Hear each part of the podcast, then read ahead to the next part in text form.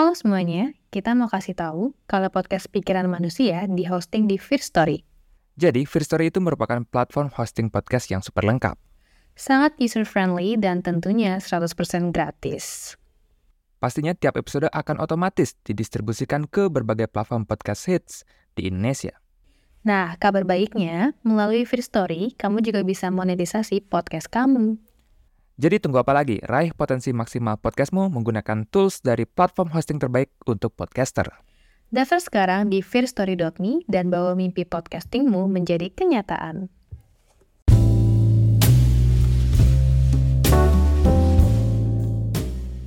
Balik lagi di podcast Pikiran Manusia. Udah lama ya kayaknya kita nggak bahas dan memperkenalkan filsuf gitu ya. Ya karena kayaknya akhir-akhir ini nggak ada apa ya kasus yang bisa aku jadiin podcast gitu. Uh, tapi sebelum itu, uh, thank you kepada supporter kita di Saweria. Ada bostang lagi nih untuk episode kali ini. Kayaknya dia ngirim uh, minggu lalu, tapi aku lupa ngecek minggu lalu. Jadi ya sekarang aja. Thank you. Thank you juga ya atas supportnya. Semoga kalian sehat-sehat semuanya selalu. Oke nih, kita langsung aja masuk ke episode kali ini. Um, kali ini apa nih yang pengen kita bahas? Kita mulai uh, dari sedikit refleksi kali ya. Um, pernah gak sih gitu ya, kalian mikir gitu, kenapa sih aku harus kayak belajar gitu ya, kerja, nikah, gitu, punya anak? Kenapa aku harus berjuang untuk semua ini? Semua orang kayaknya buru-buru dan saling bersaing uh, mengejar dan entah apa yang dikejar. Hmm, iya ya. Kita sibuk ngikutin hidup aja gitu flow-nya. Tanpa pernah bener-bener mikirin kita ngapain sih kayak gini. Kerja mati-matian nih, buat beli ini, beli itu. Dan ya, ya apa yang kita pengen tuh nggak nggak nggak pernah habis gitu, nggak ada habisnya. Iya, dan kita secara konstan gitu tidak akan pernah puas dengan hal itu. Ngapain sih kita, kita kayak gini? Mungkin dari kalian uh, ada yang mikir kayak gitu. Dan beruntungnya uh, terdapat juga filsuf yang mempertanyakan hal yang sama, hal yang serupa. Dia adalah uh, Arthur Schopenhauer. Kayaknya pernah denger deh. Uh, jadi uh, siapa nih Arthur Schopenhauer ini? Arthur Schopenhauer adalah filsuf asal Jerman yang lahir pada uh, 22 Februari 1788 gitu ya dan meninggal tahun 1859. Jadi dia uh, apa ya masuk kategori filsuf abad ke-19. Dia dikenal gitu ya, terkenal sebagai filsuf yang cukup pesimis gitu dalam melihat dunia. Manusia gitu ya, atau kita yang membaca tulisannya akan dibikin depresi gitu, sedikit depresi uh, dalam melihat dunia. Kenapa emangnya? Apakah dunia sekejam itu dari point of view-nya dia, POV-nya dia? Nah, untuk mengerti gitu ya pemikirannya, kita harus mulai dari apa? Memulai dari pemikiran metafisikanya Schopenhauer.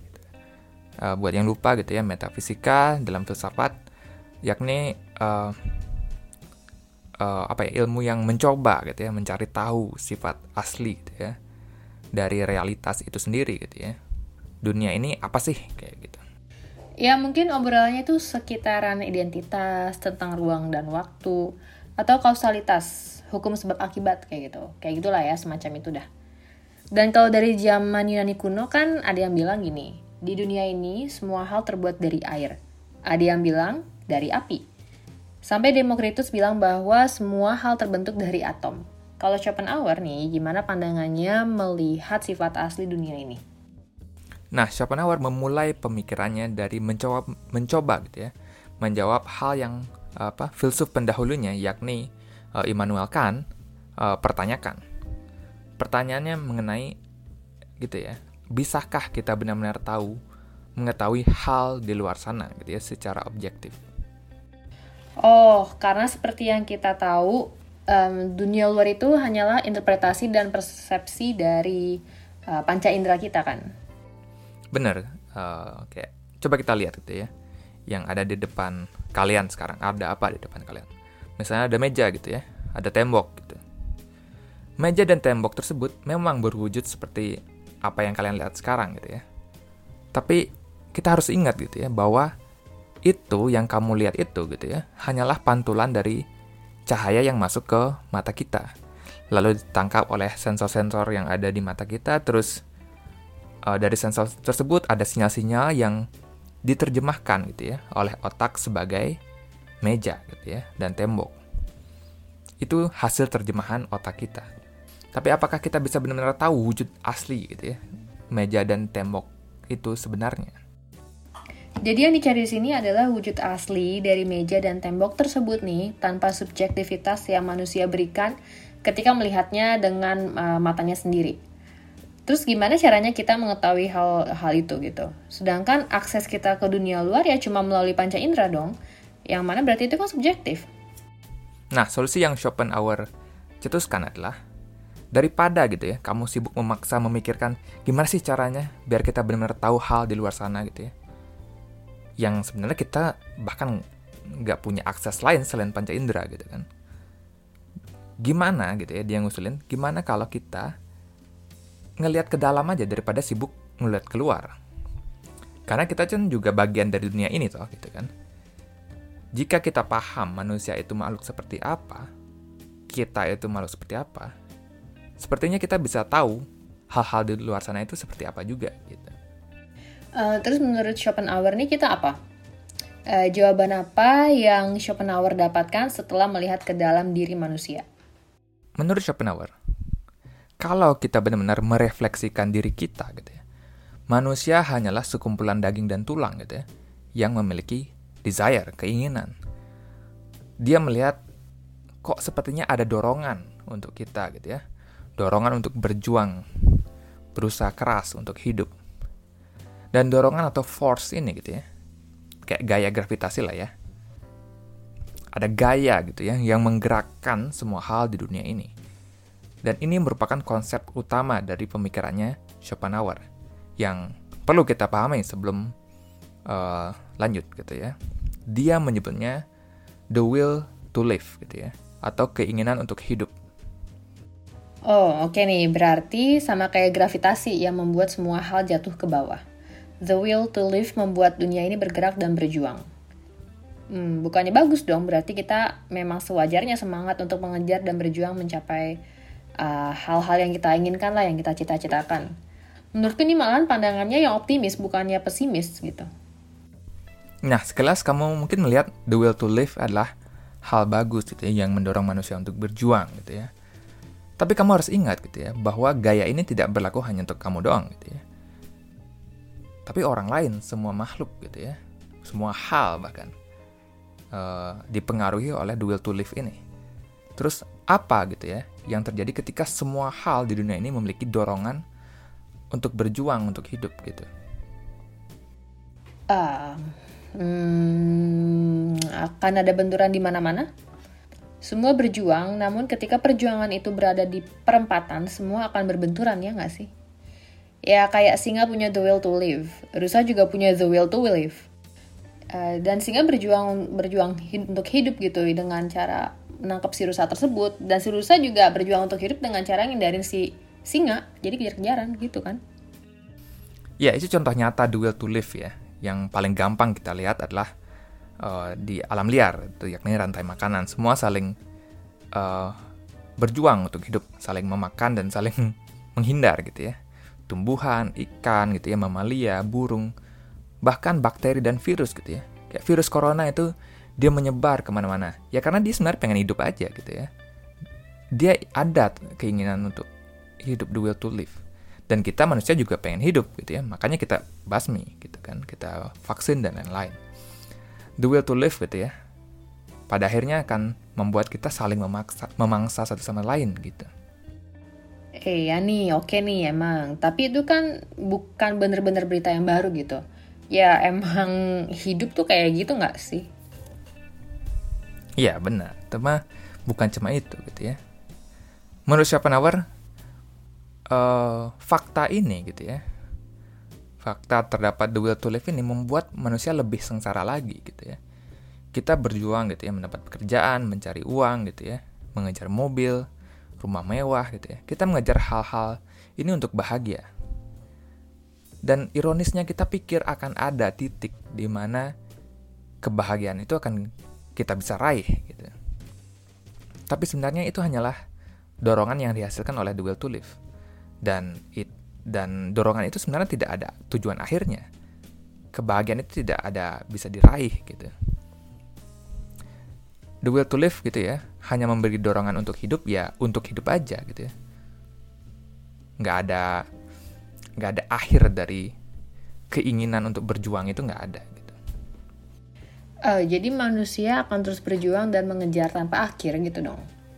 Mobil baru yang kamu tiap hari bersihin tuh lama-lama juga akan jadi mobil aja gitu. HP baru nih yang kamu rawat nih, aduh takut jatuh. Kamu rawatlah hati-hati gitu. Ya lama kelamaan akan jadi HPmu aja gitu dan suatu saat kamu pengen mobil baru, HP baru, kayak gitulah. Manusia akan selalu mengejar dan gak akan puas. Iya, mirip kayak Sartre gitu ya.